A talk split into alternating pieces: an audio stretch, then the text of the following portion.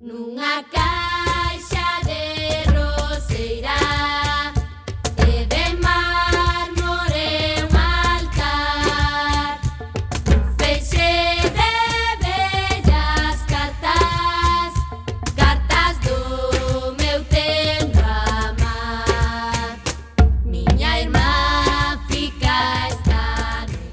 noite Ola, que tal? Recendeiras e recendeiros, benvidas e benvidos a este espazo radiofónico semanal dedicado á cultura que facemos en riguroso directo todos os martes ás 7 da tarde, aquí, na Coac FM, no 103.4, a radio comunitaria da Coruña.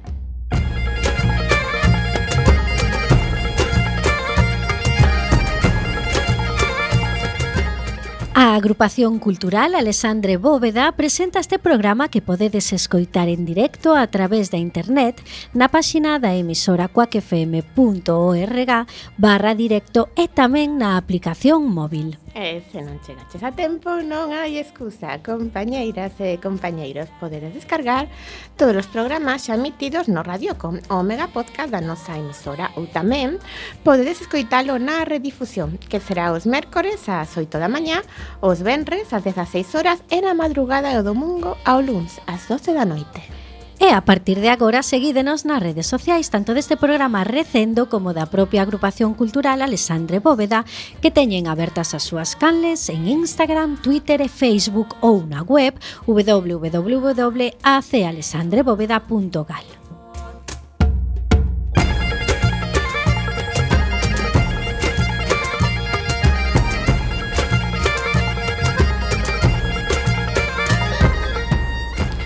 E xa sen máis, imos caraló na procura desta fantástica aventura cultural con Roberto Catoira no control técnico. E aquí, falándolles coa almanteira, estamos Diana López na locución. E Millán.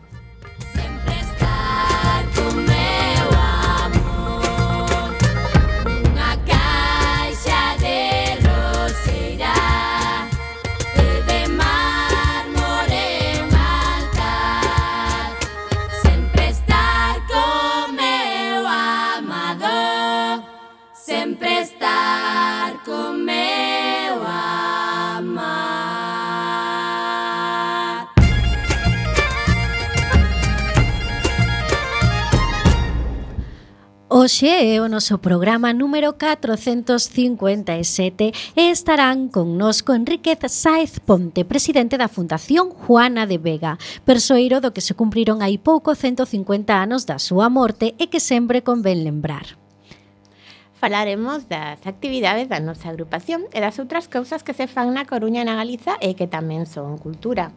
E na nosa sección de poesía galega, hoxe recitaremos en directo un poema de Manuel Pereira Valcárcer. En canto á música de hoxe, temos entendido que Juana de Vega gostaba de ser mecenas musical e que lle gostaba especialmente a música do violín. Se vivira hoxe, seguramente vería con moito agrado o grupo Riobó, liderado pola violinista viguesa Begoña Riobó, da que escoitaremos algunhas pezas. Presentamos a primeira peza de hoxe titulada Fox.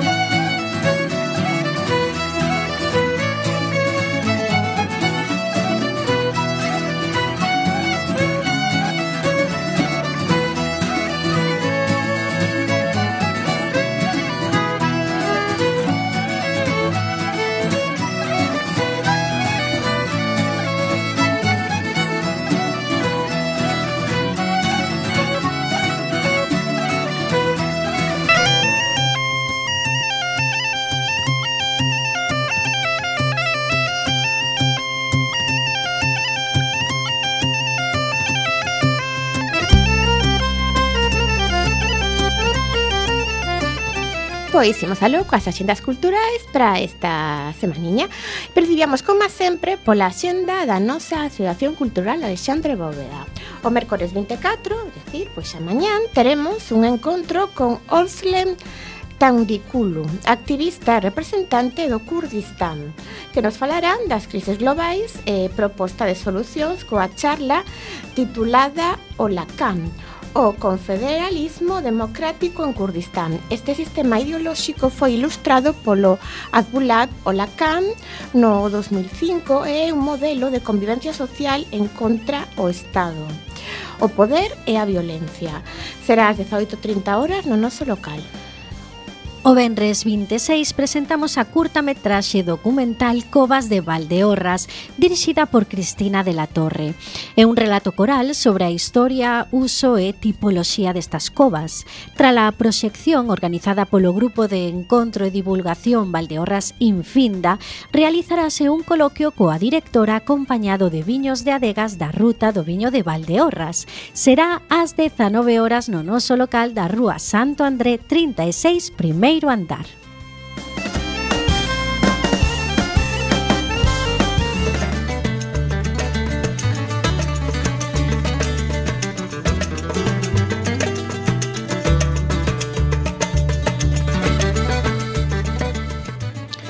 E imos agora coa xenda da Coruña. Principiamos, como a case sempre, polo audiovisual. No Cegai hai moita animación últimamente. Están rematando ciclos de Pasolini e de Pedro Costa. Está comenzando o do director xaponés Nasairo Sinoda. Eh, esta semana e a seguinte incluso poderedes ver a mítica París, Texas de Wim Wenders. Esta semana será o sábado 27 ás 18 horas. E no Fórum Metropolitano proxectan dúas películas con aire oriental. Nunha das salas poñen a coreana Introducción do director Hong Sang-soo. E na outra podedes ver o fotógrafo de Minamata, ambientada no Xapón dos anos 70 será, do xoves 25 ao sábado 27 nos horarios habituais destas salas. Imos coas artes escénicas. David Alonso e María de las Llanderas representan a súa obra Non é unha canción, de moi difícil clasificación porque é un espectáculo a medio camiño de moitas cousas. Podedes velo o Benres 26 ás 20.30 horas no Teatro Rosalía de Castro. A Compañía Galega Amorodio Teatro representa a súa nova obra Anai, un espectáculo multidisciplinar que emprega ferramentas do teatro documento e da autoficción, con sentido do humor. Será o Benres 26 ás 21 horas no Fórum Metropolitano. Pablo Meixen decatouse que ao longo e ancho dos distintos planos da realidade podense atopar personaxes curiosos que poñen a proba o tecido de graza e o chiste. Iso conta no seu novo espectáculo Meixe Verso. Actúa o sábado 27 ás 12 en 19 horas no Centro Agora.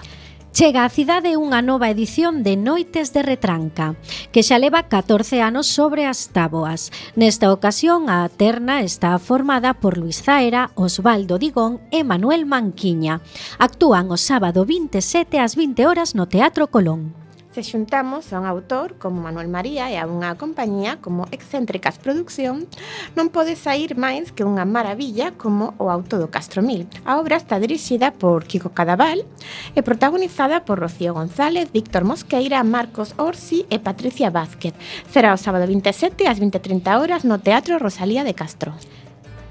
Quenda da Música, a banda municipal de de Música da Coruña, dirixida por Juan Miguel Romero Llopis, protagoniza un programa cheo de música de danza. A parte de varias pezas máis, o núcleo deste concerto é a Suite Sinfónica do Ballet, o Paxaro de Lume, de Igor Stravinsky. Tócana o domingo 28 ás 12.15 horas no Teatro Colón. O grupo coruñés Luarna Lubre segue engrosando a súa traxectoria ao publicar o seu vicéximo disco titulado Encrucillada, que é un recopilatorio dos seus mellores temas. Preséntano o Benres 26 ás 20.30 horas no Teatro Colón. A Orquestra Sinfónica de Galicia, dirixida por Fabián Gabel e con Daniel Loza Kovic. Ao violín interpreta un programa con pezas de Beethoven e Chausson. Será o sábado 26 ás 20 horas no Pazo da Ópera. E imos coas exposicións. Inauguráronse nos últimos días un par de interesantes exposicións que estarán visibles ata marzo. A primeira é de pintura figurativa ao óleo e acrílica a cargo de Laura Reimúndez na Casa Museo María Pita. E a segunda titúlase 1891-1895 Picasso na casa. Obviamente está na Casa Museo Picasso e consiste nunha mostra colectiva organizada pola plataforma Coruña Gráfica e comisariada nada menos que por Manel Cráneo, formada por varias microexposicións da banda diseñada, ilustración e animación. En canto ás conferencias, prosegue o ciclo de conferencias científicas Os labirintos do cerebro que están celebrándose no MUNCIT coa charla titulada O cerebro e o labirinto do Alzheimer, a cargo de Carlos Spug, doutor en neurociencias e investigador do Instituto de Investigación Sanitaria Galicia Sur e do CiberSAM. Será o xoves 25 ás 19 horas.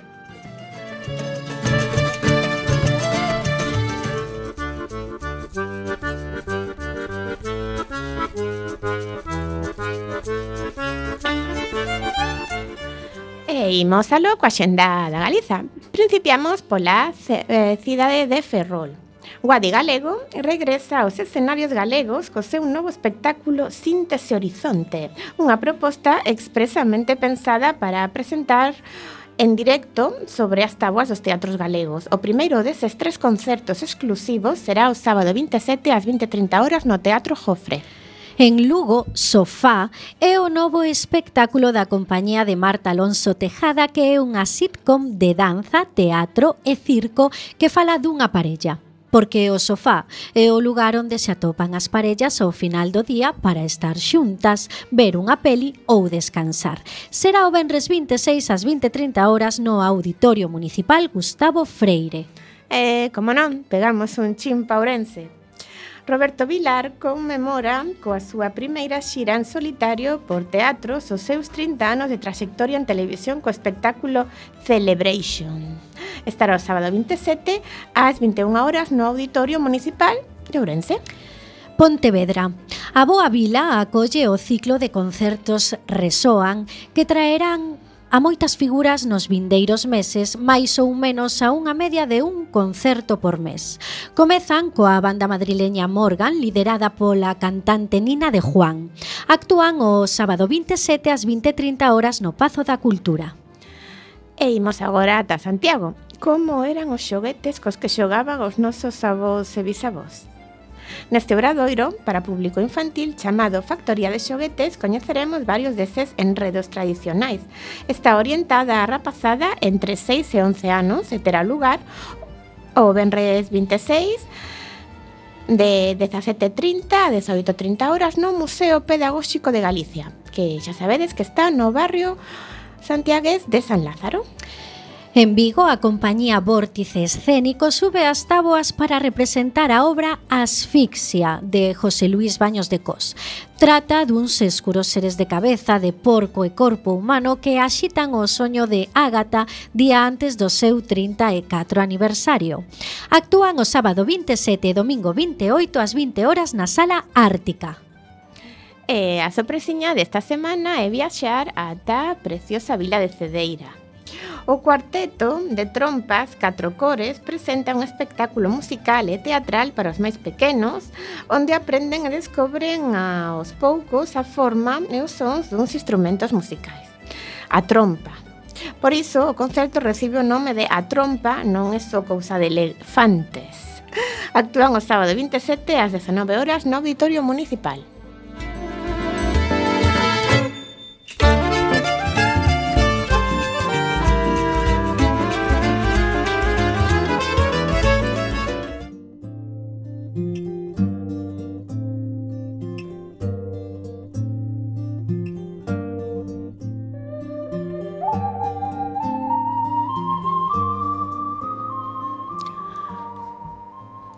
amor non é cálculo. Nin planos, nin estrategias, nin análise, nin forma. Nin paradas, nin estacións, nin lonxas, nin cisnes, nin xustiza. Só latexo. É todo. É nada. Dixo como se tal cousa.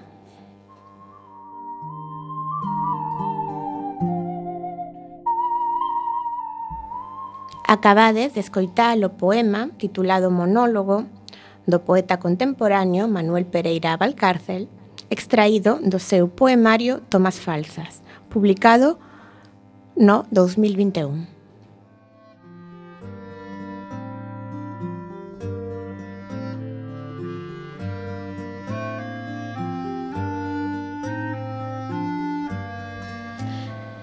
Chegou o momento dunha nova edición de Recendo. Esta semana repetimos o tema da pasada, pois imos seguir falando de historia. Mais esta quenda imos dedicar o programa á historia local da nosa cidade. Todos vos coñecedes a rúa Juana de Vega, que sendo un dos nomes máis populares do rueiro coruñés, o certo é que a figura de Juana de Vega sigue sendo unha gran descoñecida para moitos de nós. Esta tarde tentaremos poñerlle remedio a isto con noso convidado, que non é outro que o presidente da Fundación Juana de Vega, Enrique Sáez Ponte. Antes de comezar a conversa, imos dar uns cantos datos biográficos sobre a nosa protagonista co motivo de poñer un pouco de contexto á entrevista. Juana de Vega nace na Coruña no ano 1807, ela é eh, filla mm, dun matrimonio que en principio era de orixe humilde, despois isto cambiou. Eran oriundos nai e pai de Monfo de A nai de, Mon, a nai de Monforte e o pai de Mondoñedo tamén dicindo o convidado que siga a cabeza, así que sigo ca, ca, ca presentación, despois el nos corrixo que queira. Logrou medrar gracias aos seus negocios en Cuba, pensamos nós. Debido a esta posición acomodada e as ideas liberais dos seus pais, Juana de Vega recibiu unha formación excepcional para as mulleres desa época. Juana de Vega tivo unha educación amplia en humanidades e letras, así como en gramática, aritmética, francés e inglés. Dos seus pais obtivo unha formación baseada nos valores da ilustración e tamén herdou a paixón que desembocaría nos dous principais eixos da súa actividade, é dicir, o activismo político liberal e a axuda e apoio aos máis desfavorecidos. A temperalidade dos 16 anos casa co militar navarro Francisco Espocimina. Espocimina acadara a categoría de heroe militar gracias ao seu desempeño durante a Guerra de Independencia, pero coa restauración do poder absoluto de Fernando VII tivo que marchar ao exilio. Neste periplo seguiu no Juana de Vega, pasaron o seu exilio dunha década a cabalo entre Francia e Inglaterra. Durante estes anos, Juana de Vega foi un gran apoio, pois xa non só polo seu coñecemento de inglés e francés, senón porque tamén exerceu de secretario do xeneral. Juana de Vega volta do exilio no ano 33, pero a súa felicidade durou pouco, pois tres anos despois da súa volta morre o seu marido. Juana de Vega volve a Coruña e na súa casa colle tertulias políticas levantando suspicacias entre a policía como a posible conspiradora. Tamén foi chamada á corte para ser nada menos que a aia de Isabel II, un cargo que lle trouxo críticas e problemas. Despois dunha breve estadía na corte, volta a Coruña na que se dedica ao traballo social durante a epidemia de cólera, tamén asistindo ás mulleres reclusas no cárcere da cidade, así como institucións de ensinanza para adultas e crea fundación co seu nome para a modernización do agro galego. Sen máis preámbulos, damolles a benvida ao presidente desta fundación xa nomeada, Fundación Juana de Vega, Enrique Saez Ponte. Moi boa tarde, Enrique. Boa tarde. Pues gracias Boas. por vir a Coac FM aquí a Recendo. A min sempre parece importante poñer en valor a figura de Juana Vega, non? Porque foi unha, unha, gran, unha gran muller e como xa dixeche desde o principio non, non é moi coñecida. Claro que sí. Bueno, nos fixemos aquí unha pequena presentación, pero ti como a presentarías a audiencia? Bueno, eh, de entrada, a rúa que lle dedicou o Concello indica a importancia que tiña. O sea, Juana Vega foi unha persoa moi relevante no seu tempo, non? Cunha vida complexa, que tivo, xa, xa chedes bo, moi boa formación, que falaba idiomas, que xa estivo no exilio co pai, que logo volveu ao exilio co, co seu home, co, co seu marido. Eh, era unha época que os liberais en España teñan problemas, foi moito absolutismo, moito golpe militar, o sea, España en ese aspecto gostáballe ter un sistema máis ou menos democrático estable, non? Había, había polarización, como agora, daquela xa. Pero unha polarización moi militarizada, non? Eh, eh, eran circunstancias diferentes. Uh -huh. eh, eh, pero pasáronse, pasábanse moito tempo no exilio, a xente con ideas abertas, e ela pasaba isto. Entón, bueno, eh, é unha muller Era muller, o cual tamén é moi importante, porque no século XIX non podían ter un gran protagonismo político, non había espazo para elas. Pero, sen embargo, Juana de Vega, según os seus biógrafos, foi quizáis a muller con máis influencia na política española no século XIX. A, a, a raíña, por razóns obvias, pero eh, consultaban os, os políticos liberais o feito de que pois Espronceda pois era de Haya da Raíña cando no bienio liberal en que estivo de, pois, ao frente do país eh, foi unha muller moi importante eh? algún dos seus biógrafos eh, comentan que, que si que si fora inglesa ou americana habería series de televisión dedica, dedicadas á súa vida. Bueno, podemos facer dende aquí un chamamento a Netflix ou a calquera productora. No, eh, un chamamento que podemos facer é eh, eh, que, que teña interés por esta biografía, está editada en galego por Galaxia, en, en, en a biografía que, que a Fundación promoveu coa axuda da Cátedra de Historia Contemporánea da Universidade de Santiago, porque pensamos que unha persoa que hai que coñecer a fondo, non? Xa eh, aí está, eh, bueno, o autor so, eh, Xosé Ramón Veiga meteuse, traballou varios anos. Eh, e xa digo, é unha figura que fixo moitas cosas, escribía as memorias do marido escribía as súas propias memorias, o tempo que estuvo coa raíña eh, era a presentación de mulleres tiña o, o, o parla, faladoiro este na súa casa no pasaban todos os políticos liberais estuvo perseguida pola policía, participou na organización das primeiras eh, dos primeiros xogos florais da Coruña, que foi a primeira vez que apareceu que, o sea, que reivindicou a poesía porque era unha gran amante da poesía. Claro, claro. E, foi, e foi mi amiga de Concepción Arenal que viviu na súa casa e pasaba as vacacións na, na, na finca que tiñan en San Pedro de Nós, é dicir, e entre as dúas tiñan preocupacións moi paralelas, no? de axuda a, sobre todo, bueno, aos desprotegidos, ás mulleres, hai que pensar tamén que no século XIX a Seguridade Social non existía prácticamente, non? Entón, eh, moito dese traballo que eh, facían as mulleres ou asociacións de mulleres. Eh, eso é un tema a reivindicar tamén. Eh, cando nós promovemos a, a, a unha biografía pois máis profunda de, de Juana, é para dar a, a coñecer a, a, a Juana, pero tamén poñer en valor o, o traballo que, que, que facían as mulleres de alguna maneira sempre un pouco agochadas de, de, de, en un segundo plano ¿no? Juana en ese aspecto foi unha persoa pois, pues, moi importante, unha influencia política ela ata conseguiu eh, que cesaran un gobernador civil que sei que roubaba diñeiro do que daban para comer aos presos, é dicir, eh, tiña moita influencia, claro, a amizade coa raíña tamén axudaba eso, non? E a seu prestixo como persoa formada no mundo liberal. Eh, bueno, foi unha persoa moi, moi, con moito peso na España do século XIX. Podemos falar dela como unha lideresa da filantropía. Sí, pero tamén da política. Uh -huh. eh, eh, O seu pai tamén, o sea, decir, era comenta que aprendeu a súa nai eh, traballar como nun segundo plano, que era o que lle tocaba un pouco ás mulleres, pero claro, eh, e así foi un pouco eh, filla de, muller de, viva de... Entendo que por esta relación especial cos pais era filla única.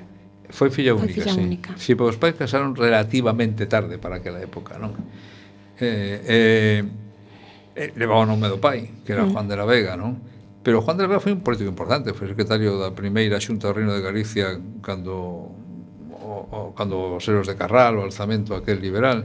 O sea, o pai xugou a política, era, era curioso eh, na, na, na Coruña que tiña unha base liberal importante en aquel momento, era unha cidade progresista, os empresarios financiaban golpes militares. Eh, parece mentira que hoxe en día pensemos as cousas así, non? Pero facíanse porque querían modernizar o país, non? Moito deso, non podo falar moito desto, non? Pero moito deso ten que ver con que unha cidade que despega co comercio co norte de Europa e América. En todo e sobren moito as cabezas, non? A relación da que Coruña é unha cidade moi situada no mundo, podemos decir tamén. Sí, pola propia orientación xeográfica, cando eh, Carlos III pois eh, eliminou o monopolio de, de Sevilla do tráfico en América, pois a Coruña é mellor a cidade mellor situada para pa canalizar o, o espacio o, o, o tráfico o comercio comercial. coas Indias que se chamaba. Coas Indias, pero tamén con Europa eh, eh, porque os alemáns, os holandeses ou os ingleses teñen interés en comerciar con América entón, estamos falando do século XIX bueno, eh, e iso trae influencia de fora no? e trae abre un pouco bueno, hai moitos exemplos, pero Coruña da cidade en ese aspecto sorprendente é moi diferente o sea, é, a, a cidade eu seguro de España de Europa tamén supoño que será das principais onde podes explicar a historia contemporánea con mulleres o sea, Isabel Zendal, Fanny Garrido, Juana de Vega, eh, eh, eh esto, Pardo Bazán, aquí viviron Rosalía Castro, aquí viviu eh, Concepción Arenal, é dicir, eh, eh, foi unha Teresa Herrera, é dicir, hai hai hai, hai unha María Pita, temos moita. A María Pita é un pouco anterior, pero bueno, sí, como sí. Teresa Herrera, pero no 19 hai, hai, hai moitas, no? Eh, esta, e logo, pois, pues, estuvieron, pois, pues, María Bonenburger, ou a propia María Casares, eh, E a propia presidenta do Banco Pastor, eh, doña Carmela Arias, que foi a miña xefa unha temporada, que foi a primeira muller na historia de España a presidir un banco. Bueno, son eh, aquí había un as mulleres tiñan un espacio uh, e iso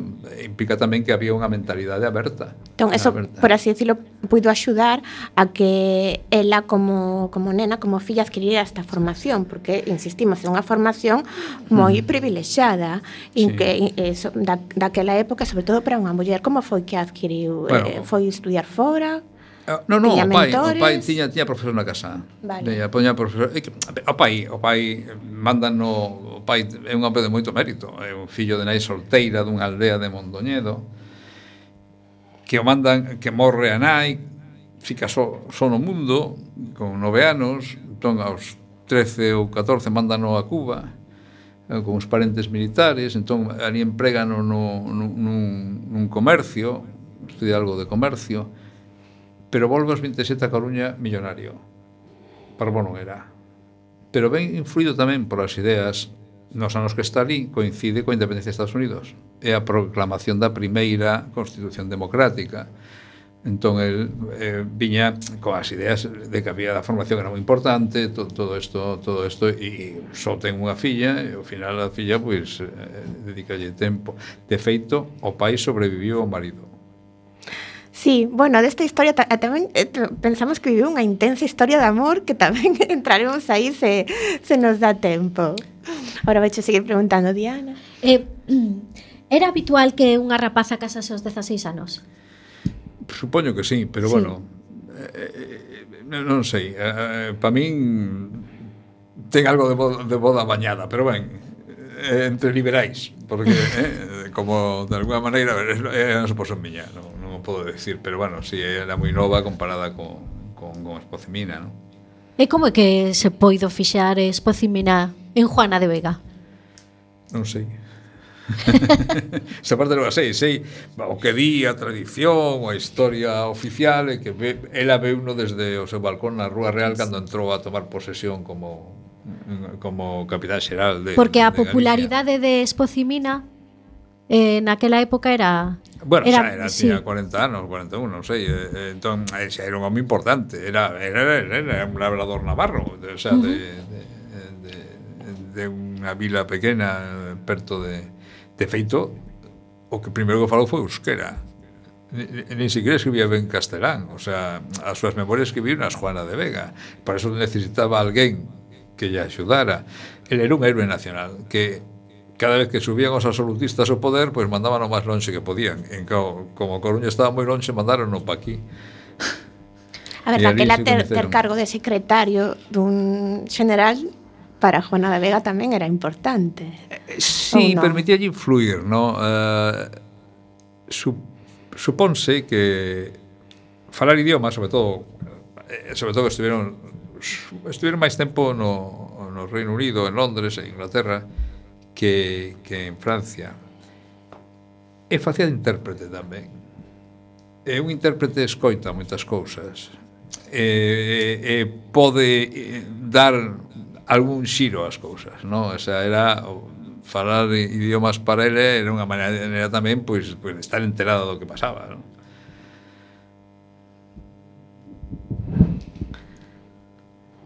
Sí, bueno, se nos queres comentar un pouco como foi o exilio da parella ou o que ti consideres pertinente, que é unha vida tan interesante que nós non sabemos. Sí, no, eh, no exilio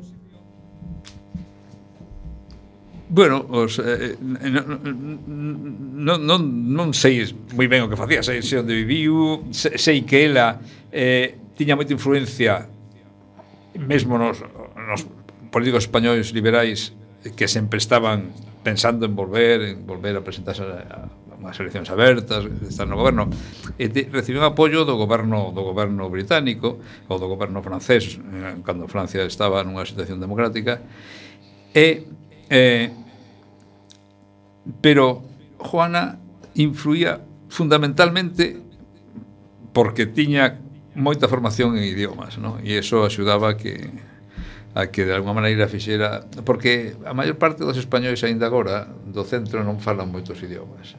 Entón necesitaban alguén de confianza que fora capaz de saber o que pensaban e traducir ben o que pensaba, hmm. no? Aí estuvo a influencia dela no fora, que eu Chama, saiba, Chamanos no? a, a, tamén a atención na súa biografía que, bueno, era un matrimonio moi ben avenido, está no exilio primeiro o marido, tres anos, e despois tarda tres anos ela en ir con sí. él, Principi eh, creo que, que o primeiro exilio a, a Gran Bretaña. Sí. Eh, podes explicar esta laguna? ou non... non sei. Eh, ela tiña moitas actividades aquí tamén. Eh, eh axudaba o pai, Claro, é que a veces eso, vese que non é unha, unha muller que, por así decirlo, vaya seguindo a trayectoria do marido, senón que ten ocupacións de seu. Danos a sensación por toda a biografía. Eu non me meto e... na súa vida matrimonial porque era un home moito máis maior que a ela, con unha saúde delicada, pois non estive moito tempo, xa tiña feridas de guerra, tampouco sei a intensidade da vida que levaron, non? Eh, pero bueno, eh, eh, ela sempre foi unha persoa que, que tivo seu marido foi un, un centro importante da súa vida, non? Eh, que supuxa a morto de, de, do seu marido para Juana de Vega? Que su, pois pues, supuso eh, en certa medida li, liderar o a súa idea e ser eh, preocuparse de que non se esqueceran del e das súas ideas de aí veñen as memorias que según os biógrafos escribiu na sela xa digo, uh -huh. Espocimir era un home de non moita formación que viña dunha aldea aí do Ocin ainda xa digo que non ni siquiera falaba moi ben castelán pero pero era a raíña deulle concedelle o título de de eh, condesa de Espocemina. O único título que ela admitiu porque ela rexeitou un, un título de duquesa de caridade con grandeza de mm. España. É dicir, Juana era unha liberal de libro pero o, o título de, de condesa de pues, pois, aceptou en certa medida para manter viva as ideas do, do seu home eh, e, e, e, e, e axudáballe tamén a seguir influindo porque ela realmente era unha política pero era unha muller entón ao final traballaba deso, agora era viúva de. Ah, pero non foi un título que herdara de ninguén, que decir, foi un título que se creou o para ela, para ela claro. que é algo absolutamente foi, Non, porque a raíña, a raíña ela é grande de España por méritos propios. Sí, non, bueno, non, non, é que quiso cando a, a, quiso darlle unha Ducado da Caridade con grandeza de España, era rexitouno. É dicir, eh, en ese aspecto, era, eh, sentía o seu orixe humilde. Entón, eh, non tiña interés en ser grande de España, cousa que sorprenda a moita xente. De feito, recitou tamén que lle fixeran un monumento na Coruña, decía que non gastaran o diñeiro en axudar a xente, non uh -huh. en, en cousas desas, o sea, non era unha persoa con un afán de protagonismo. Pero a pesares diso, influía moito. De feito, dixechedo antes, no, que estivera vigilada a población en algúns momentos e que algún gobernador pretendera exiliala porque porque pensaban que estaba detrás de algunhas intentoras golpistas e que ali se, se falaba falábase moito no, no faladoiro aquel de, da Rúa Real. Pero podemos definir realmente como unha conspiradora contra o poder. Que pensa? sempre conspiraban os liberais. Eh, eh, eh, o XIX era un século de moitas conspiracións, é dicir, conspiraban pois os liberais para intentar mellorar a, a saúde democrática de España e os de sempre, pois aquelo de que todo era un peligro, tanta libertade e esas cousas, non? De feito, cando é elexida para ser alla da reiña, eh, é es proceda e pretenden facer dela unha reiña constitucional como é o rei agora, uh -huh. é dicir que ten unhas funcións eh, alanxadas do, da, da parte executiva porque o rei Fernando VII era o que mandaba, é dicir, era foi un rei absolutista, non? E entón pretendíase que o rei asumira unha situación como o rei de Inglaterra, que había un goberno e que era elexido. Ela na súa casa facía tertulias, na casa sí. familiar. Que, que clase de xente acudía a esas tertulias? todo tipo de, bueno, mm. persoas influintes basicamente, xente de orientación liberal, políticos, tamén mulleres, eh, da Asociación de Mulleres, eh, eran bastante dinámicas. Xa digo que Concepción Arenal foi unha partícipe durante bastantes anos na parte final da vida de Juana de Vega. Eh, e tratábanse os temas da actualidade, supoñemos. Eh, aquí di que era eh, in, foi impulsora non de tentativas de insurrección. Hasta, eh, eso, ¿Hasta qué punto son certas estas acusacións? Ben, non o sei. No. O sea, eso os recomendo que leades a, sí, a, a, a biografía, de, de Xosé Ramón Veiga, que aí explica bastante, sobre todo, as moitas relacións, a moita correspondencia que mantén con moitos políticos liberais. Eh? Porque hai políticos liberais de primeiro nivel eh, en Madrid que lle piden a ela Consello sobre o que compre facer. Non? Eh, acudía a policía as, a casa dela... Estuvo vixiada en algún momento. Claro, e que clases de controis facían na vivenda ou... Eh, non había micros. Non había... nos queremos, estaba, nos queremos vigilaba, saber contaba que, que entraba e quen saía, pero non eh, eh, se podía eh, entrar, contaría... non se podía entrar porque ademais ele era propietario de todo o edificio, o sea, tampouco tampouco podían ali camuflarse claro. de calquera maneira, non? E, eh, co, e contaría co, co apoio dos veciños ou habería algún aí tampouco. Non sei, non sí. sei. Estades preguntándome cousas que non, non teño ni idea. Eh, era dona da, eh, supoño que os veciños de alguma maneira eran xente que seleccionaba ela, porque de alguna forma ela era dona do edificio, o edificio que agora é propiedade da Fundación Juana Vega, que é o edificio de, da Rúa Real onde está no baixo a tenda de Sargaderos. Uh -huh. E, e, falando concretamente da Fundación Juana Vega ahora mismo, que, que facedes ali? Que actividades?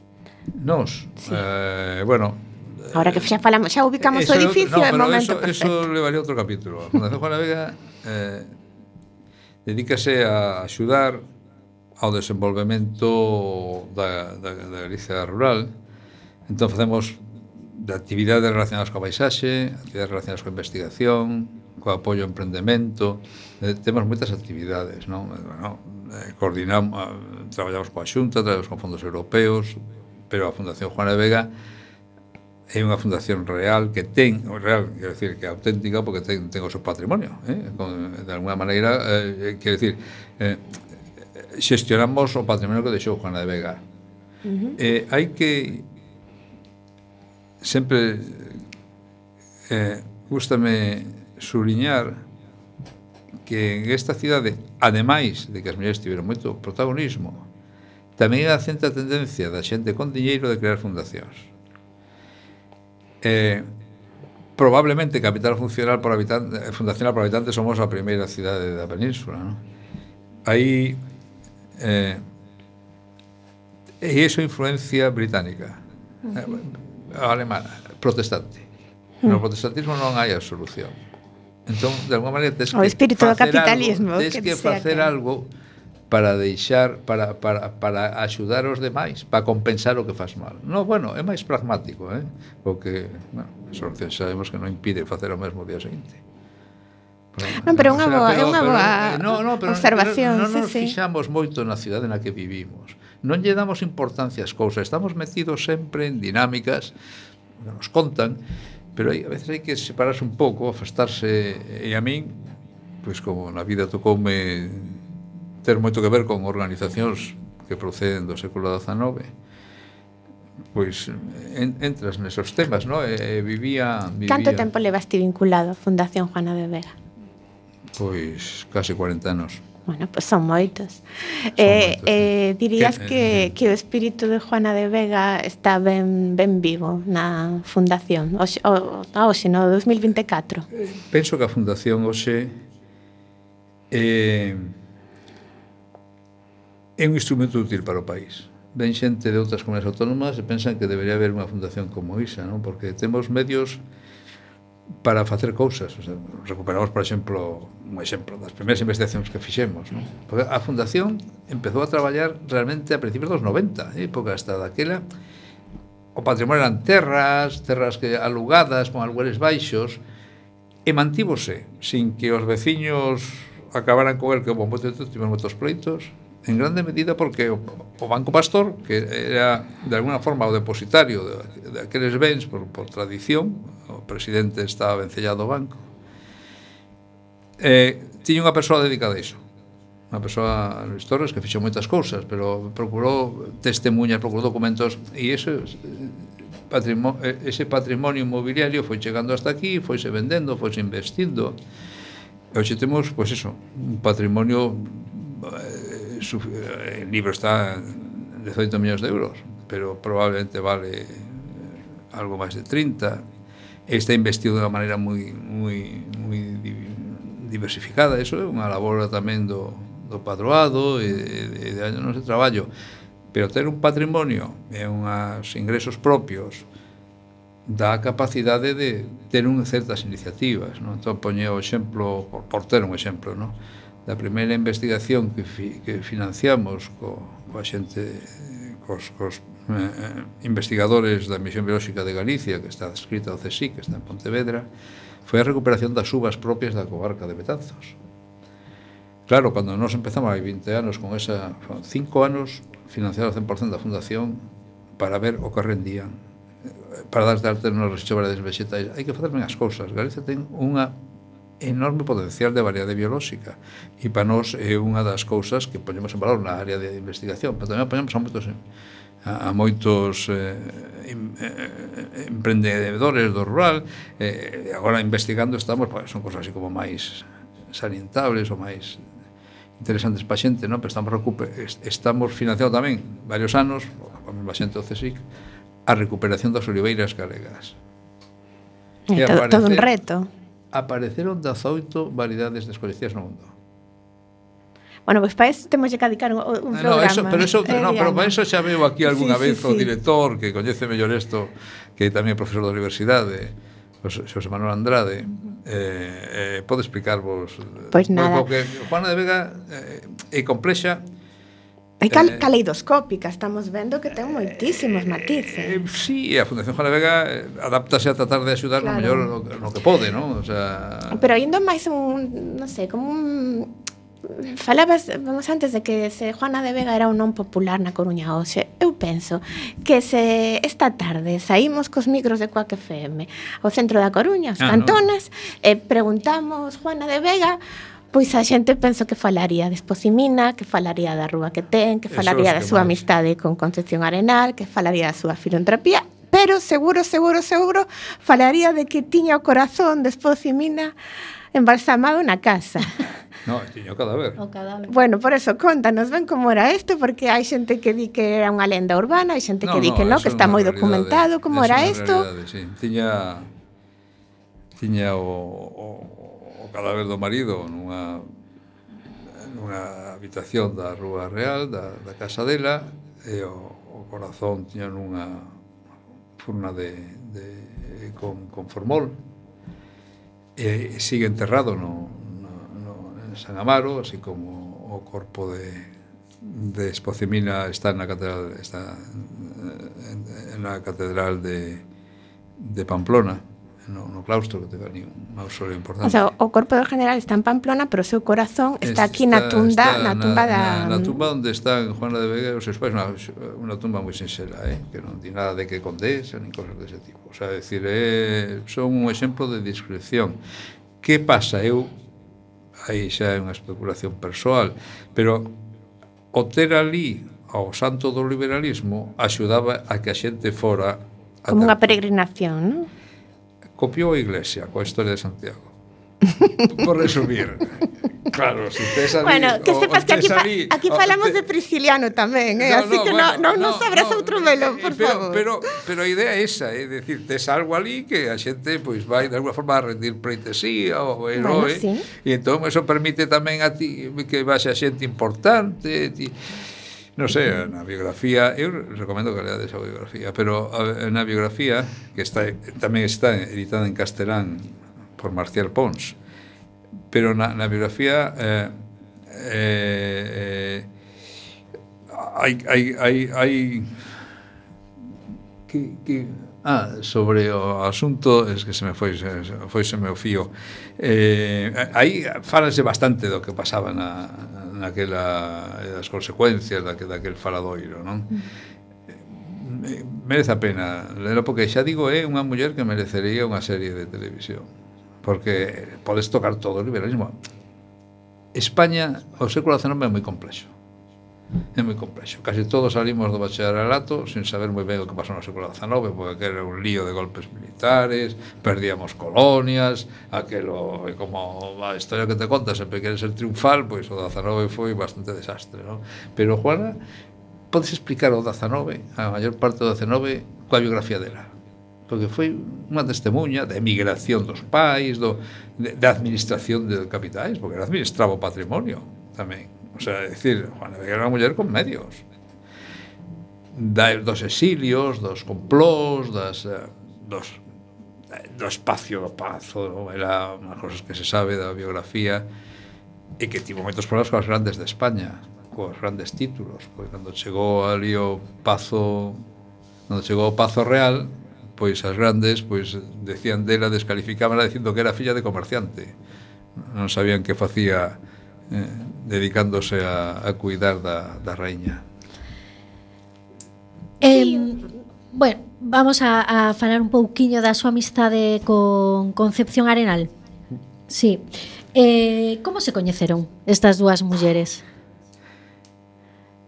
Tocanme as preguntas. Esos son datos moi, no, son preguntas eh, moi concretas. Eh, Concepción Arenal veo a Coruña eh, e daquela non é unha cidade tan grande e Juan era unha persoa moi e ademais, con Cibanal tamén unha persoa de moito prestixio mm. é dicir, e, ao final a, e, atopáronse e empezaron a traballar xuntas porque tiñan ideas que sintonizaban moitísimo non?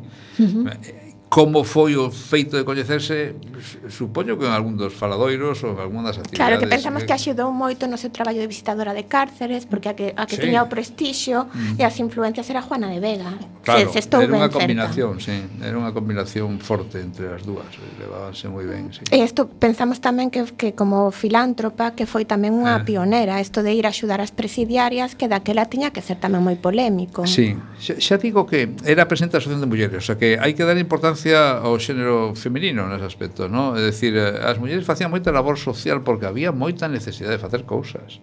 É dicir, as residencias, os asilos, os orfanatos, ou eran mulleres con, con influencia, con, con, con, con diñeiro, pero tamén monxas, non? Que eran en gran medidas que no, facían o, la, que tiñan... o, la, a labor de enfermeiras eran eran monxas de ordens religiosas tiñan os medios, veían as eh, o, a problemática social e querían botar mm. unha man. Ben, pois entón Juana de Vega estaría satisfeita co, co, co que facedes na fundación. Supoño que sí. Eu supoño que sí, pero supoño que sí. non no sei, non, eso é historia ficción, entón non se mm. sabe, é dicir, o futuro ficción.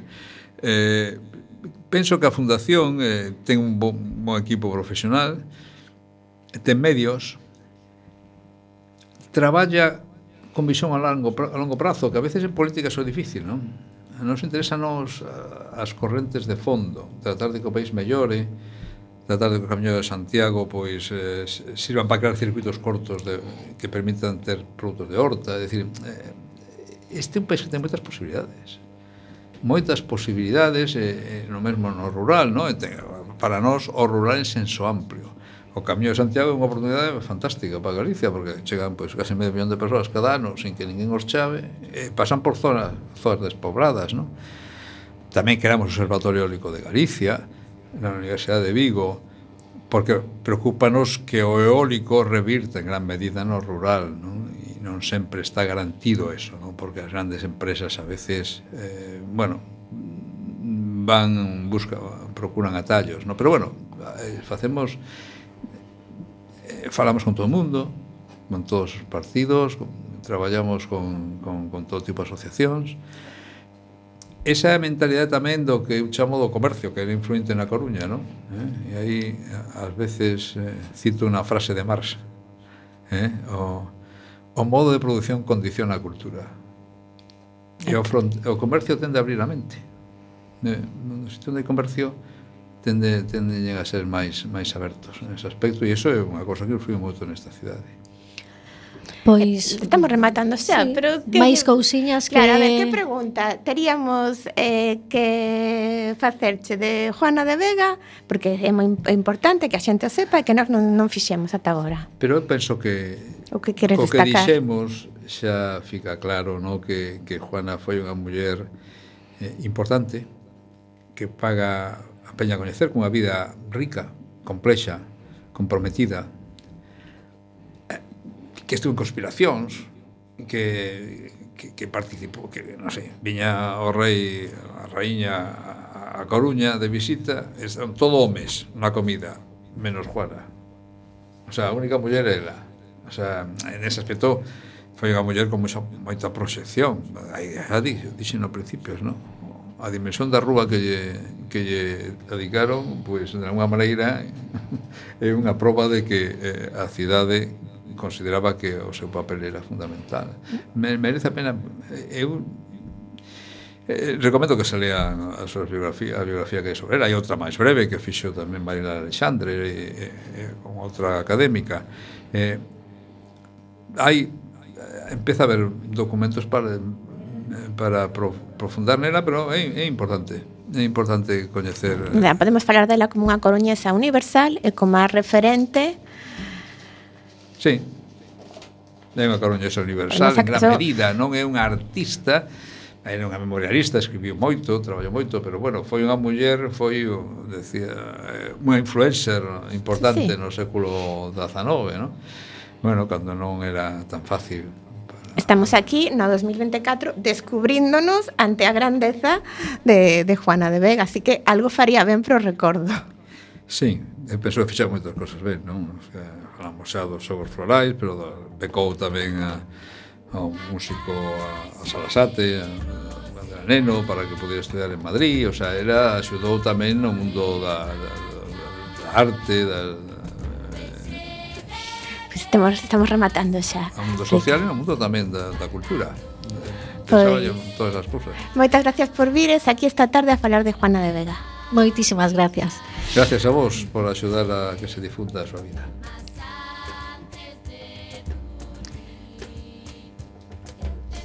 E sen tempo para máis odiseas imos chegando a fin do camiño deste recendo Despedimos o programa de hoxe agradecendo noso convidado Como sempre foi de honra, Xe tivemos o placer de falar con Enrique Saez Ponte O presidente da Fundación Juana de Vega. Eh, e agradecendo a semente pedra angular de todo o noso comando equipo de produción formado por Javier Pereira, Gema Millán e, Robert, e Roberto Catoira. Eh, aquí Steve Vemos, Roberto Catoira nos control y Seco